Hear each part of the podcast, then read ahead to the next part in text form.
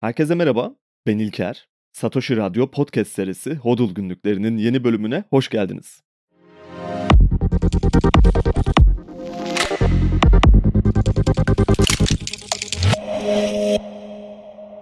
Bildiğiniz gibi para çoğunlukla bir takas aracı diyoruz. Aynı zamanda bir teknoloji. Birbirimizle anlaşmamızı sağlıyor ve herhangi bir problem durumunda A kişisinden B kişisine doğru giden veya tam tersi şekilde hareket eden dijital rakamlara ve fiziksel kağıt parçalarının üreticisine güveniyoruz. Güvenmek zorunda olduğumuzu düşünüyoruz. Para sistemi bir otorite olmadan var olamaz ve eğer destekleyici bir gücü bulunmuyorsa arkasında çalışamaz diyoruz. Peki ya bugün size kağıt para sisteminin geldiği noktada kullandığımız para birimlerinin aynı bir zombi salgınına dönüşmüş olduğunu söylesem ve dünyanın özellikle son 100 yılında bu salgının yayılarak her noktaya, her hesaba, her alışverişe ve her bireysel mülkiyete dağıldığını ve hepimizin artık birer enfekte olduğunu söylesem ne derdiniz? Şaşırtıcı ve iddialı bir fikir gibi görünebilir. Fakat gerçekte olan şeyin bundan pek bir farkı yok. Bir salgının nasıl yayıldığını hepimiz çok iyi biliyoruz bugünlerde artık. O yüzden aslında açıklaması hiç de zor olmayacak bir konu ve o noktadan başlayalım. Salgınlara sebep olan bir virüs ya da zararlı bir organizma genellikle ve çoğunlukla bir mutasyona uğrayarak ortaya çıkıyor. Sanıyorum benzetmemiz şimdi yavaş yavaş yerine oturmaya başlıyordur fakat bu o kadar kolay bir şekilde açıklanabilecek bir konu da değil ve birçok detay var. Konuşmamız gereken ilk başlıklardan birisi demokrasi ilizyonu. Bu konuya nasıl başlasam bilmiyorum aslında. Çünkü demokrasi birçok kişi için hayatın bir parçası ve hatta bir yaşam tarzı. Halkın iktidarı anlamına gelen bu kelime bize en azından teorik olarak toplumun kontrolünün bizde olduğunu, halkın hükümeti seçtiğini ve yönetimin bizim elimizde olduğunu söylüyor.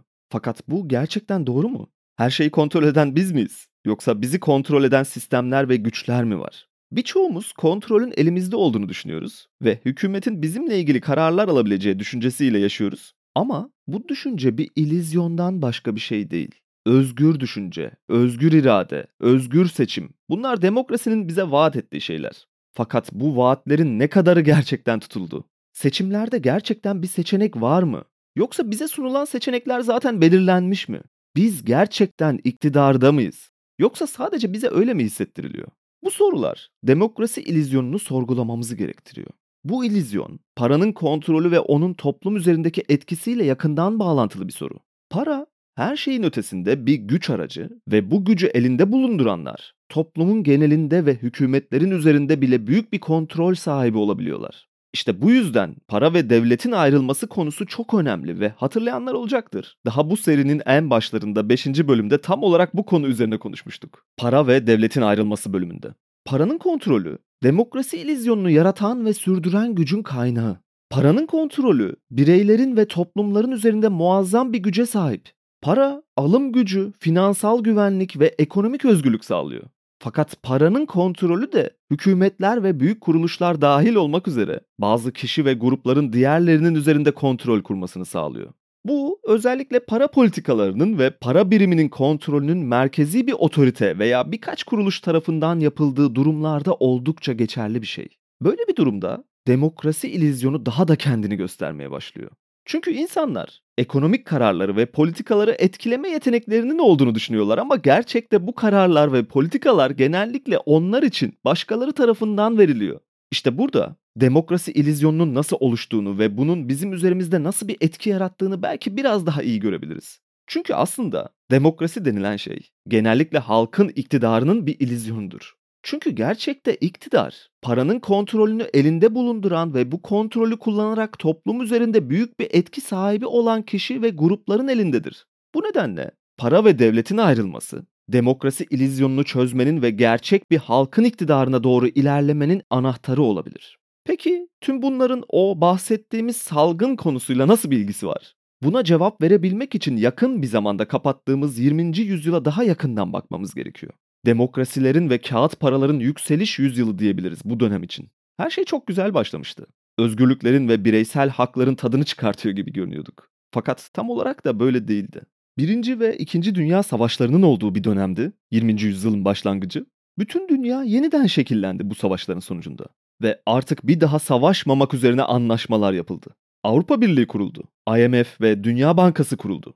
Bugün günümüzde artık kemikleşmiş ve otoriterleşmiş bütün organizasyonlar geçtiğimiz yüzyılın ortalarından itibaren kuruldu. Temel hak ve özgürlüklerimizi, ulusal çatışmalarımızı, milliyetçilik sınırlarımızı ve toplumsal düzenimizi yeniden şekillendirdik. Özellikle de boomer jenerasyonuyla birlikte. Onlar savaşın çocuklarıydı ve cesur ve yeni dünyanın ilk ürünleriydiler. Bütün bir ömürleri üretmek ve ürettiklerini tüketmekle geçti. Birikim yaptılar, ekonomileri canlandırdılar, toplumsal refahı üst düzeye taşıdılar, şirketleri ve organizasyonları şekillendirdiler, ülke başkanları oldular, milletvekili oldular, kamu görevlisi oldular ve toplumsal düzenin bütün basamaklarına bir bir yerleştiler. Bugün hala aynı koltuklarda oturmaya devam ediyorlar. Eğer zorla olmazsa veya doğal yollardan ayrılmak zorunda kalmazlarsa ki bu doğal yollar arasına yaşamlarının sona ermesini ekleyebiliriz. Bunun dışında pek bir doğal yol görünmüyor gibi. Eğer bu tip şeyler gerçekleşmezse pek bir yere ayrılacaklarını söyleyemeyiz. Dünya savaşlarından sonra şu anda içinde bulunduğumuz bu yeni ve gelişmiş ekonomik düzeni de onlar kurdular. Zaten konumuzla ilgili olan kısmı da işte burası. Problem de burada başlıyor zaten. Çünkü sizi bilmem ama benim onların boşaltacağı koltuklarda pek bir gözüm yok. Başka bir probleme odaklanmış durumdayım ben. Yarattıkları ekonomik modelin ve para sisteminin aslında merkezine odaklanmaya çalışıyorum ve küçük değişikliklerle pek bir yol kat edemeyeceğimizi düşünüyorum. O yüzden problemin temeline inmekte fayda var bence. Öncelikle paranın bir teknoloji olduğunun kabulüyle başlamamız gerekiyor. Bugünlerde pek dikkat edilmeyen ve ön plana çıkartılmayan bir şey bu. Üstelik bir teknoloji çağının içinde olmamıza rağmen. Para bir bilgi teknolojisi aslında. Bir bilgi aktarımı gerçekleştiriliyor para transferi gerçekleştirilirken. Bunu iki anlamda ele alabiliriz. İlk olarak öncelikle gerçekten de bir bilgi transferi var ve benim hesabımdan çıkan bir veri sizin hesabınıza geçiyor eğer karşılıklı bir işlem yapıyorsak. Ya da biz böyle olduğunu düşünüyoruz ama aslında böyle olmuyor. Ve bütün problem de burada başlıyor zaten. Ama bunun detaylarına girerek çok boğulmayalım. Zaten Bitcoin'i anlamak demek buradaki bilgi teknolojisini anlamak demek oluyor. Ve birçok bölümde detaylarına girdiğimiz bir konu. Kısaca özetlemek gerekirse Bitcoin ağındaki bilgi ve veri transferi gerçek manada işliyor. Hatırlarsanız daha öncesinde kopyalanabilen NFT'ler veya internet üzerinde dolaşan meme görüntüler üzerinden kopyalamanın kolaylığından bahsetmiştik. Hatta torrent'te bile öyle. Bitcoin'le çok benzer bir fikir olsa da orada da kopyalama ve eşler arasında verilerin çoğaltılması söz konusu. İşte para sistemi de böyle çalışıyor. Hatta daha da tehlikeli bir hal alarak çalışıyor diyebiliriz. Çünkü kopyaladığımız şey basit bir kedi fotoğrafı veya komik bir video, korsan bir şekilde dağıtılan bir film gibi değil. Gerçekten alım gücü olması gereken ve ekonomilerin temel yapı taşı olan para birimleri burada kopyalanan şey. O yüzden çok tehlikeli bir durum bu ve tam olarak bu sebeple zaten kağıt para sistemini bir zombi salgını gibi bir şeye benzetiyorum. Sanırım şimdi taşlar biraz daha yerine oturuyordur.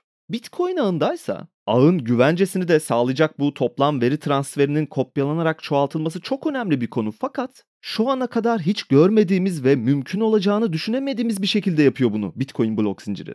Veriler ve kayıt defteri isteyen herkes tarafından kopyalanıp çoğaltılabilir ve saklanabilir. Zaten bu da ağın güvenliğini arttıran bir şey. Mesela bir torrent dosyası ne kadar fazla eşte bulunuyorsa o kadar güvenlidir ve kolay kolay yok olmaz. Aynı mantık burada da var. Fakat küçük bir farkla. Saklanan bilgi, yani daha doğrusu bilginin temel yapı taşı. Buna bir torrent dosyasının içindeki veri olarak da bakabiliriz. İşte Bitcoin ağında bu değiştirilemez ve kopyalanarak çoğaltılamaz. Sadece toplam kayıt defterini kopyalayarak çoğaltabilirsiniz. Bu verilerin içindeki değer saklanan kısım olan satoshilere müdahale edemezsiniz. Bu çözüm hiç kimsenin aklına gelmeyen ve bilgi teknolojilerini bugün artık tamamen değiştiren devrimsel nitelikte bir çözüm. Ve henüz neredeyse kimse bunun farkında değil hala. Fakat dediğim gibi çok daha detaylarına inmeyelim. Konumuz çünkü bambaşka bir şey. Sadece bilgi teknolojileri başlığı altında ilk maddeyi biraz açmak istedim tekrardan ve dediğim gibi birçok bölümde bu detaylara yeri geldiğinde giriyoruz zaten. Bilginin aktarımıyla ilgili ikinci madde ve ekonomiyi daha çok ilgilendiren kısmı işte şimdi konuşacağımız bu başlık. Transferlerden ve bir veri aktarımı işleminden bahsettik biraz önce. Bu transferler genellikle eğer bir varlık transferi değilse ki varlık transferi için de aslında geçerli. Şöyle söylemek daha uygun o yüzden. Bir varlık çeşidi değişimi değilse yüksek ihtimalle bir kişiden başka bir kişiye doğru giden transferler olur. Burada çok önemli bir detay var. Paranın kime gittiği bilgisi dışında yani bilgi teknolojisi transferi dışında bir fiyat bilgisi damgalamış oluyoruz transferlere. Örneğin bir mal veya hizmet alırken ödediğimiz fiyat bizim hesabımızdan karşı tarafın hesabına gittiği anda o andan itibaren piyasa fiyatını belirlemiş oluyoruz o mal veya hizmetin. Araba piyasasında bunun uç örneklerini görebiliriz bugünlerde Türkiye için. Arz sıkıntısından veya bambaşka ek sebeplerden dolayı bugünlerde araç piyasası Türkiye bazında değerlendirdiğimizde karşılıklı olarak yaptığımız fiyat bilgisi transferleri sebebiyle ve fiyatın sürekli yukarı gitmesini önleyici etkenler olmaması sebebiyle çıldırmış durumda piyasa. Bir malın herhangi bir fiyata satıldığı bilgisi piyasaya ulaştığında artık o malın muadilleri veya aynısı benzer bir fiyatlamayla alıcı arar. Bu bir fiyat bilgisidir ve aynı bir virüs şeklinde yayılır. Serbest piyasanın önemli bir kavramıdır aynı zamanda. Herhangi bir başka bir mal için de aynı şey geçerli. Her koşul altında geçerli eğer serbest bir piyasadan söz ediyorsak. Fakat kağıt para birimleriyle ilgili çok önemli bir problem daha var burada. Kağıt paralar kontrol edilemez bir biçimde ve hesaplayamadığımız bir oranda çoğaltıldığı için mal ve hizmetlerin etiketlerindeki fiyat bilgisini önemli ölçüde etkileme özelliğine sahip. Serbest bir piyasada fiyat bilgisinin yayılmasını basit bir virüs gibi düşünürsek, kağıt paraları da sistemin zombileri olarak görebiliriz. Bu benzetmenin altında bence anlamamız gereken çok önemli sebepler var. Fiyat etiketini serbest piyasa belirliyor dedik. Ki bazen veya totaliter düzenlerde böyle bir serbest piyasadan söz etmek de mümkün değil. Ve o kısma daha sonra geleceğiz. Şimdilik serbest piyasa varsayımıyla devam edelim. Mal ve hizmetler arz ve talep dengesi üzerinde hareket ederken denge bozulduğunda fiyatlama sistemiyle tekrardan bir denge makul bir vadede çok rahatlıkla kurulabilir. Fiyatların artışı veya düşüşü bunu belirliyor. Fiyat bilgisini piyasaya aynı bir radyo sinyali gibi yaydığımız anda herkes bu bilgiye hızlı bir şekilde ulaşıyor. Aynı bir organizma gibi düşünebiliriz ekonomileri. Fakat kağıt paralar serbest olsun veya kontrolcü ekonomiler olsun fark etmeksizin organik bir şekilde yayılması gereken bu fiyat sinyallerinin bozulmasına sebep oluyor. Zararlı bir virüs gibi yayılıyor fiyat para. Bilgi çok önemli bir aktarım demiştik ekonomilerde. Birisi çıkıp paraya daha kolay ulaştığından dolayı veya çok daha avantajlı bir şekilde borçlanabildiğinden dolayı gelip piyasanın sürekli kurmaya çalıştığı ve çok karmaşık olan fiyat sinyallerini çok rahatlıkla bozabiliyor ve diğer katılımcılar için adaletsiz bir ortam yaratıyor. Herkes bu kişinin nasıl bu yeni yüksek fiyatı verdiğini anlamaya çalışıyor ve aynı yöntemleri uygulamak için benzer bir avantajı kendi lehine kullanmak istiyor. Bu insan doğamızda olan bir şey. Peki neyi fark ediyoruz burada? Borçlanmanın veya karşılığı olmayan bir kaynaktan gelen paranın bize avantaj sağladığını görüyoruz ilk bakışta. Yöntemi anladıktan sonra uygulaması çok da zor değil. Fiyat değişimlerine sebep olan temel nedenleri anlamamıza gerek yok. Sadece nasıl olduğunu görmemiz yeterli oluyor. Ve ekonomilerde öne çekilmiş talep etkisi gibi ağdalı laflarla bunu açıklamaya çalışıyorlar. Yani insanlar fiyatların yükseleceğine inandığından dolayı bugün elinde olan parayı veya hatta çoğunlukla elinde olmayan ama borç alabildiği parayı mal ve hizmet ihtiyaçlarında kullanmaya başlıyorlar. Geleceğe yönelik bir borçlanmayla genellikle bunu yapıyorlar ve temel sebep fiyatların yukarıya doğru gitmeye devam edeceğine olan inançtan kaynaklanıyor. Ekonomistler bunu birçok sebebe dayandırıyor ve birçok ağdalı lafları var bunlarla ilgili. Fakat aslında burada olan şeyi çok kısa ve net bir şekilde şöyle açıklayabiliriz. Kağıt paralar dizaynlarındaki mutasyonlardan dolayı bir zombi virüsüne dönüşmüş durumda ve dokunduğu herkesi enfekte ediyor ve birer zombiye, hastaya dönüştürüyor. Piyasaları incelerken olaya bu şekilde baktığınızda çevremizde veya takip ettiğiniz özel bir durum varsa kağıt paraların bu yayılma stratejisini ve ekonominin tamamını enfekte etmesini şöyle bir düşündüğünüzde gerçekten de böyle olduğunu hemen fark edebilirsiniz. Fark etmemiş olanlar için veya bu konu hakkında pek düşünmemiş olanlar için gelin hep birlikte belirtilere bir bakalım. Nasıl bir hastalık yayıldığında tıp dünyasında çalışmalar yapılıp salgına sebep olan nedenleri ortaya çıkarmaya çalışıyorlar ve belirtileri sıralıyorlarsa aynısını kağıt para sistemi için de yapabiliriz. İlk ve en görünür belirti herkesin şikayet ettiği ve farkında olduğu, en azından anladığı ve ona uygun hareket etmeye çalıştığı şey enflasyon konusu. Milton Friedman'ın bu konuyla ilgili çok güzel bir açıklaması var. Yine o da bir hastalıkla bağlantı kuruyor. Önce onun açıklamasını vermek istiyorum ve sonrasında üstünden devam ederiz. Enflasyon tam olarak alkolizm gibidir. Her iki durumda da yani içmeye başladığınızda veya çok fazla para basmaya başladığınızda iyi etkiler önce gelir. Kötü etkilerse ancak daha sonra ortaya çıkar. Bu yüzden her iki durumda da aşırıya kaçma, çok fazla içme veya çok fazla para basma eğilimi güçlüdür. İyileşme söz konusu olduğundaysa durum tam tersidir. İçmeyi bıraktığınızda veya para basmayı durdurduğunuzda kötü etkiler önce gelir ve iyi etkiler ancak daha sonrasında gelir. Bu yüzden tedaviye devam etmek çok zordur. Bu çok güzel bir benzetme bence. Her aşırıya kaçılmış bir gecenin sabahında bir daha bu kadar içmeyeceğim dediğimiz gibi hükümetler de her seçim kampanyasında veya bütçe açıkları sonrasındaki açıklamalarında paniğe gerek yok. Her şeyi kontrol altına alacağız derler. Bir daha bu kadar fazla para basmayacağız derler. Şöyle bir hata yaptık veya böyle bir şey oldu. Bir daha bu kadar aşırıya kaçmayacağız. Bu sondu derler. Fakat günün sonunda tedaviye başlayan gerçek bir alkolik veya bir hükümet bulmak gerçekten de çok zordur. Hatta alkolizmin tedavisi ekonomilerin tedavisinden çok daha kolaydır da diyebiliriz. Çünkü sağlam bir irade ve istekle insan eğer gerçekten istiyorsa üstesinden gelemeyeceği pek bir şey yoktur diyebiliriz. Fakat otorite için böyle bir durum geçerli değil. Çünkü tek bir irade yok veya kısa vadeli sonuçların görüldüğü bir sistem içinde değiliz. Önce kötü sonuçlar ortaya çıkar dedik tedaviye başlayınca. Ve ancak çok uzun vadede iyi sonuçları almaya başlayabiliyoruz ve hükümetlerin, otoritelerin bu kadar uzun vakti yok maalesef. Onlar yüksek ihtimalle önümüzdeki 4-5 yıl içinde yeniden seçilebilmek için tedaviyi reddetmek zorundalar ve acı ilacı hiçbir zaman içmek istemeyecekler bu yüzden. Bireysel olarak birçok konuda kendi tedavi yöntemlerimizi bulabilsek de çok büyük ve karmaşık organizmalarda, ekonomilerde, demokrasinin tüm bileşenlerinde, hükümet yapısında veya uluslararası ilişkilerde böyle bir tekil çözüm bulunmuyor.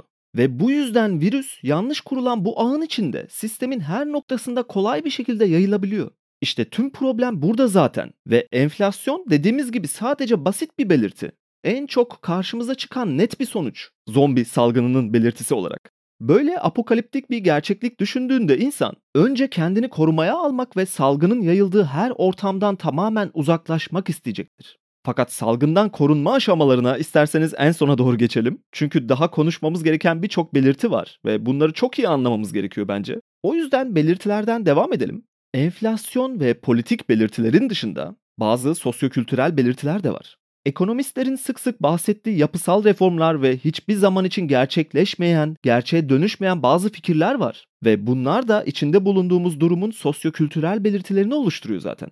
Eğitim, adalet, bireysel hak ve özgürlükler, toplumun farklı düşüncelere saygı içinde yaklaşması, insanların birbirlerinin alanlarına saygılı olması veya etik ve ahlaki kurallar bütünlerini takip ederek insanca yaşamayı istemek gibi şeyler bunlar. Yapısal reformlar derken. Fakat biz çözümü genellikle çok başka yerlerde arıyoruz ve problemin kaynağından tamamen uzaklaşmış durumdayız. Eğer adil bir paylaşım ekonomisi kuramazsak ki dünyadaki tüm toplumlar için geçerli bir durum bu, istediğimiz sonuçlara ulaşmamızın hiçbir yolu yok. Fakat bunlar o kadar kolay düzeltilebilecek şeyler de değil ve kağıt para sistemi problemin temel kaynağı aslında. O yüzden zaten bir salgın olarak bahsediyorum toplumun tüm bireylerine kolayca bulaşabiliyor ve yayılma kapasitesi, öldürücülük oranı çok yüksek. Toplumsal çıkarlara göre hareket ettiğimizi düşünüyoruz genellikle. Fakat gerçekte olan şey ya bir elit grubun çıkarlarının gözetilmesi ya da daha küçük çapta kişisel olarak kendi çıkarlarımızın gözetilmesi üzerine motivasyonlarımız var. Bu problemleri kağıt para sistemleriyle çözebilmemiz mümkün değil. Çünkü şöyle bir durum var. Zaman algımız tamamen değişmiş durumda ve uzun vadeli sonuçları düşünmekten artık uzaklaşmış bir haldeyiz. Süreçten çok sonuca odaklanıyoruz ve süreçler içindeki aslında önemli olan prensiplerin hiçbir anlamı yok bizim için. Eğitim sistemine baktığımızda bunun sonuçlarını çok rahatlıkla görebiliriz. Bireysel özgürlüklerimize baktığımızda yine benzer bir durumu çok rahatlıkla görebiliriz kendi sonuçlarımızın ve çıkarlarımızın diğer her şeyin üstünde olduğunu düşünüyoruz ve buna uygun hareket ediyoruz. Toplumsal çatışmalarımızı besleyen bir şey bu da. İçinde bulunduğumuz modelin ekonomik tarafına geçecek olursak yine burada bazı gözden kaçırdığımız belirtiler var ve sebeplerini bambaşka yerlerde arıyoruz yine. Toplumsal olarak sınıflara ayrılmış durumdayız. Bunun doğruluğunu veya yanlışlığını belki başka bir bölümde konuşuruz. Hatta geçmiş bölümlerin birinde yine bazı detaylarına girmiştik ama şimdilik detayları bir kenara bırakırsak sınıfsal olarak ayrıştığımız ortada ve özellikle kritik bir belirti var burada. Orta sınıf artık tamamen yok oluyor neredeyse. Dünyanın herhangi bir yerinde görebiliriz bunu. Bir Amerikan rüyasıydı orta sınıf. Eğer yeterince üretken olursak, çalışma hayatında bizden istenenleri harfiyen yerine getirirsek ve bunun dışında da yönetimsel anlamda otoritenin söylediklerini takip edersek bazı ödüller dağıtılacağını düşünüyorduk. Daha da doğrusu vaat buydu bize verilen. Peki neydi bu vaatler? Üretime yaptığımız katkılardan dolayı ve emek, iş gücü harcamamız karşılığında istediğimiz temel ihtiyaçlara ve kısmi zevklerimize ulaşabileceğimiz bir paket sunuldu önümüze. Paketin içeriği oldukça ikna edici ve dikkat çekici. 15-20 yıllık kredilerle sahibi olabileceğimiz evler sunuldu. İstediğimiz bir lüks araca ulaşabileceğimiz üzerine reklam kampanyaları sürdürüldü. Her yıl bize verilen küçük bir ek hediye olarak yıllık izinlerimizde lüks tatiller yapabileceğimiz söylendi. Ve bunlar gibi daha birçok şey. Ayrıca bir süre için geçerli oldular da bunlar ve gerçekten de vaatler yerine getirildi gibi hissettik. Fakat tüm bunlar gerçekleştirilirken bir şey yapmaları gerekiyordu. Yalnızca küçük bir şey, bir detay.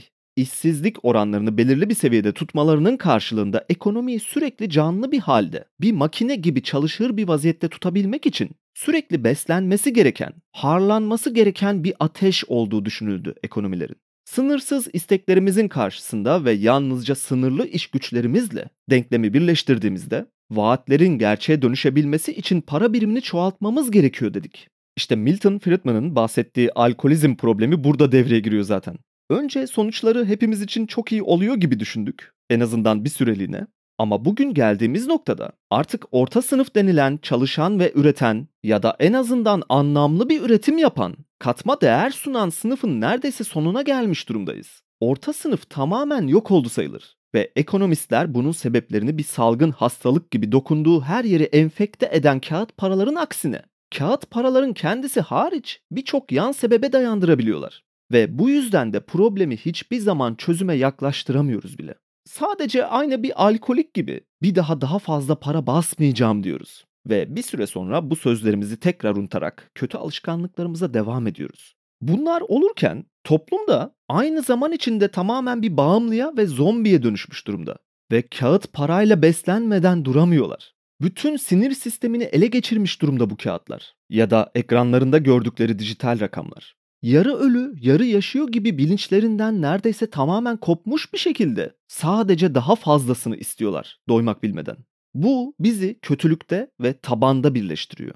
Bugünlerde çok kullanılan bir söz, tabanda birleşmek. Açılımını şöyle yapabiliriz. Enfekte olanlar ve virüsü kapanlar sistemin dizaynı gereği dokundukları her noktada virüsü yaymaya devam ediyorlar ve tüm ekonomik aktivitelerinde bu kirli parayı, salgını etraflarına yayarak diğerlerini de enfekte ediyorlar bilinçsiz bir hal durumunda birleşiyorlar ve işte bu da tabanda birleşmek oluyor.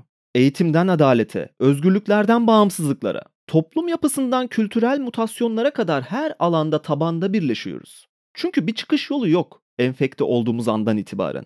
Mikro ölçekte bizi bu şekilde etkiliyor ve belirtiler bunlar. Ayrıca her biri için ayrı bir bölüm hazırlanabilir belki çünkü çok daha detaylarına girilebilecek konular hepsi. Fakat o kadar zamanımız yok. Belirli bir zaman sınırında toplam bir fotoğraf çıkartmak istiyorum ve mikro ölçeğin yanında makro ölçekten de bir bakış atmamız gerekiyor. Fakat bu bakışı atmadan önce bir yumuşak bir geçiş yapmamız gerekiyor bence.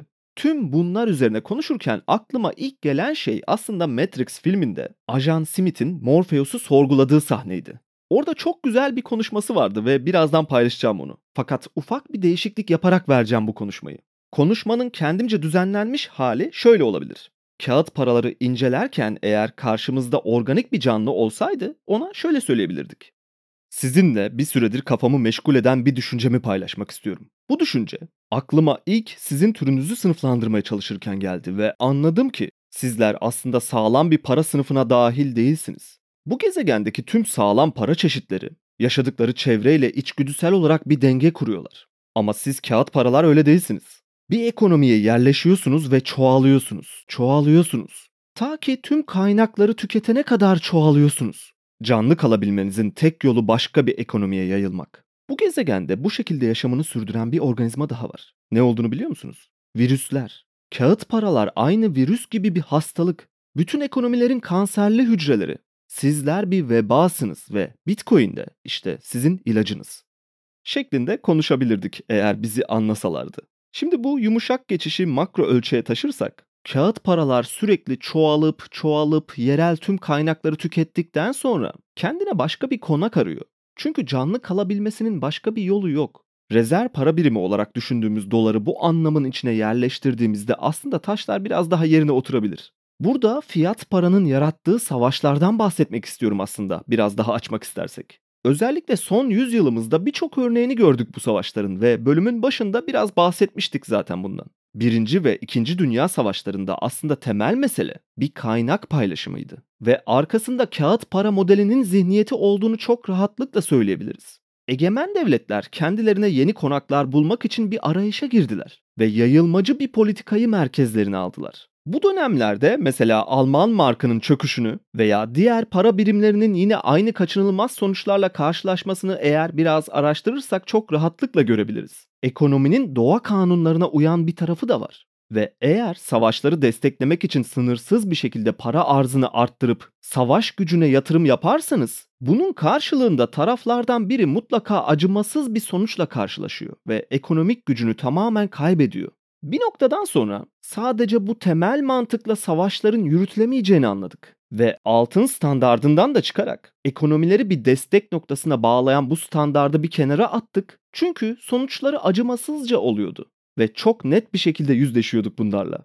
Ve ayrıca sürdürülebilir bir yöntem olmadığını da anladık. Tekrar daha eski bir sisteme dönüş yaparak kolonileşme yollarına geri döndük ama bu sefer fiziki anlamda değil, ekonomik anlamda bir kolonileşme sistemi kurduk. Kağıt paraların aynı bir virüs gibi yayılmacı politikası egemen devletlerin daha zayıf devletler karşısında öne geçmesini sağladı ve henüz gelişmesini tamamlayamamış veya gelişmemiş olanların kaynaklarını daha temiz bir yolla ele geçirmesinin önünü açtı. O yüzden son 50-60 yılımızda bu anlamda değerlendirdiğimizde çok büyük dünya savaşlarına şahitlik etmedik ve stabilite sağlanıyor diye düşündük. Ama aslında olan şey çok daha farklı bir savaş stratejisiydi. Dolar, dominasyonunu garantileyebilmek adına her yere yayılabilmek için elinden geleni yaptı. Gerekirse fiziki savaşlara bile girildi. Bunları çok rahatlıkla unutabiliyoruz ve hafızamızdan siliniyor bir noktada. Ama bir hatırlatma yapmak istiyorum ben burada. Özellikle 2. Dünya Savaşı sonrası çatışmaları tekrar bir tozlu raflardan çıkartmak istiyorum. 1984'ten günümüze kadar İsrail ve Arapların çatışması, savaşları hala devam ediyor. 1950'de Kore Savaşı gerçekleşti. 1955'te yaklaşık 20 yıl süren Vietnam Savaşı gerçekleşti. Yine benzer bir tarihte 1954'te Cezayir'in bağımsızlık savaşı başladı. Fransa'nın sömürgesinden kurtulmak için ve başarıyla gerçekleşti gibi düşünüyoruz geçmişe baktığımızda. Fakat gerçekten böyle olup olmadığını bence biraz sorgulamamız gerekiyor. 1978'den günümüze kadar Afganistan Savaşı hala devam ediyor. 1980'lerde Irak ve İran Savaşı oldu. Yaklaşık 7-8 yıl sürdü. Bugün ekonomik çatışmaları hala devam ediyor. 90'ların başlarında Yugoslavya resmi olarak dağıldı ve Balkan Savaşları başladı. Etnik bir altyapıyla. 90'ların ortasından itibaren Rusya-Çeçen savaşları başladı ve hala sıcak bir bölge. Yine 90'larda Körfez Savaşı gerçekleşti. Birçoğumuz çok yakından biliyor bunu. Resmi olarak son buluşunu Saddam'ın devrilmesine kadar götürebiliriz. Yine de savaşın içinde savaş olarak, Irak-Amerika Savaşı olarak ayırabiliriz bu son kısmı. 2010'lardan sonra Suriye iç savaşı başladı ve günümüzde hala devam ediyor. Yine daha çok yakın bir zamanda Ukrayna-Rusya savaşı başladı ve hala devam ediyor. Ve bunların dışında daha birçok irili ufaklı veya önemli önemsiz sayısızca savaş ortaya çıktı ve birçoğu hala devam ediyor. Buradaki örüntüyü anlamak çok önemli bana göre. Özellikle 1945'ten sonra Bretton Woods anlaşmasıyla birlikte altın standardından tamamen çıkışın kademeli olarak başlamasıyla ve 71'de de resmen çıkışın ardından bitmeyen savaşları icat ettik. Bir salgın gibi yayılıyor adeta bu savaşlarda. Kaynakların ve gücün ele geçirilmesi için sürekli irili ufaklı görünürde izleyebildiğimiz savaşların yanında arka planda her zaman için var olan ve çok daha acımasızca ekonomik bir savaş da devam ediyor. İşte bitmeyen savaşlar demek bu aslında. Eğer para basma yetkisini devletlerin elinden almazsak hiç biteceğe de pek benzemiyor.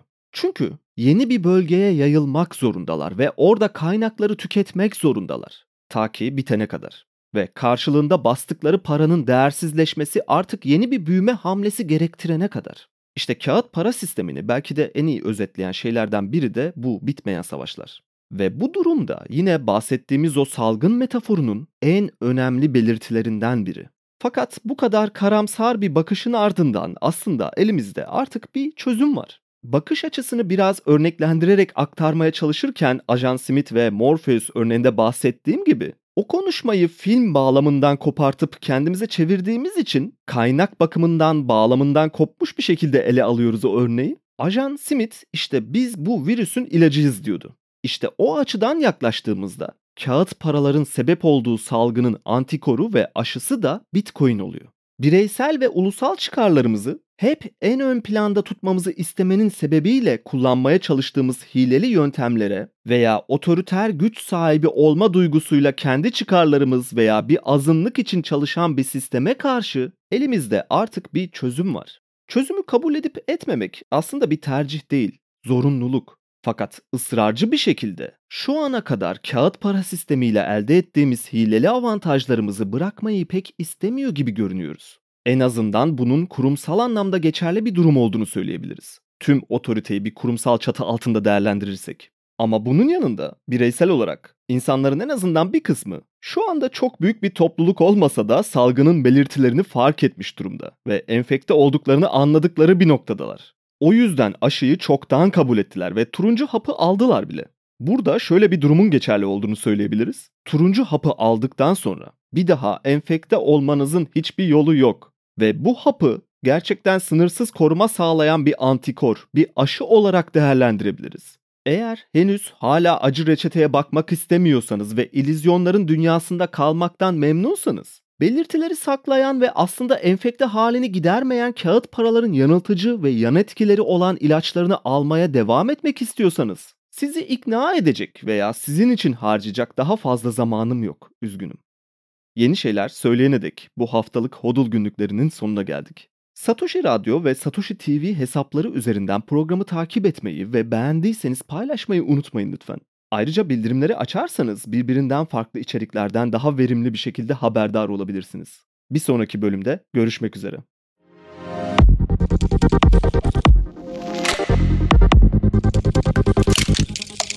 Thank.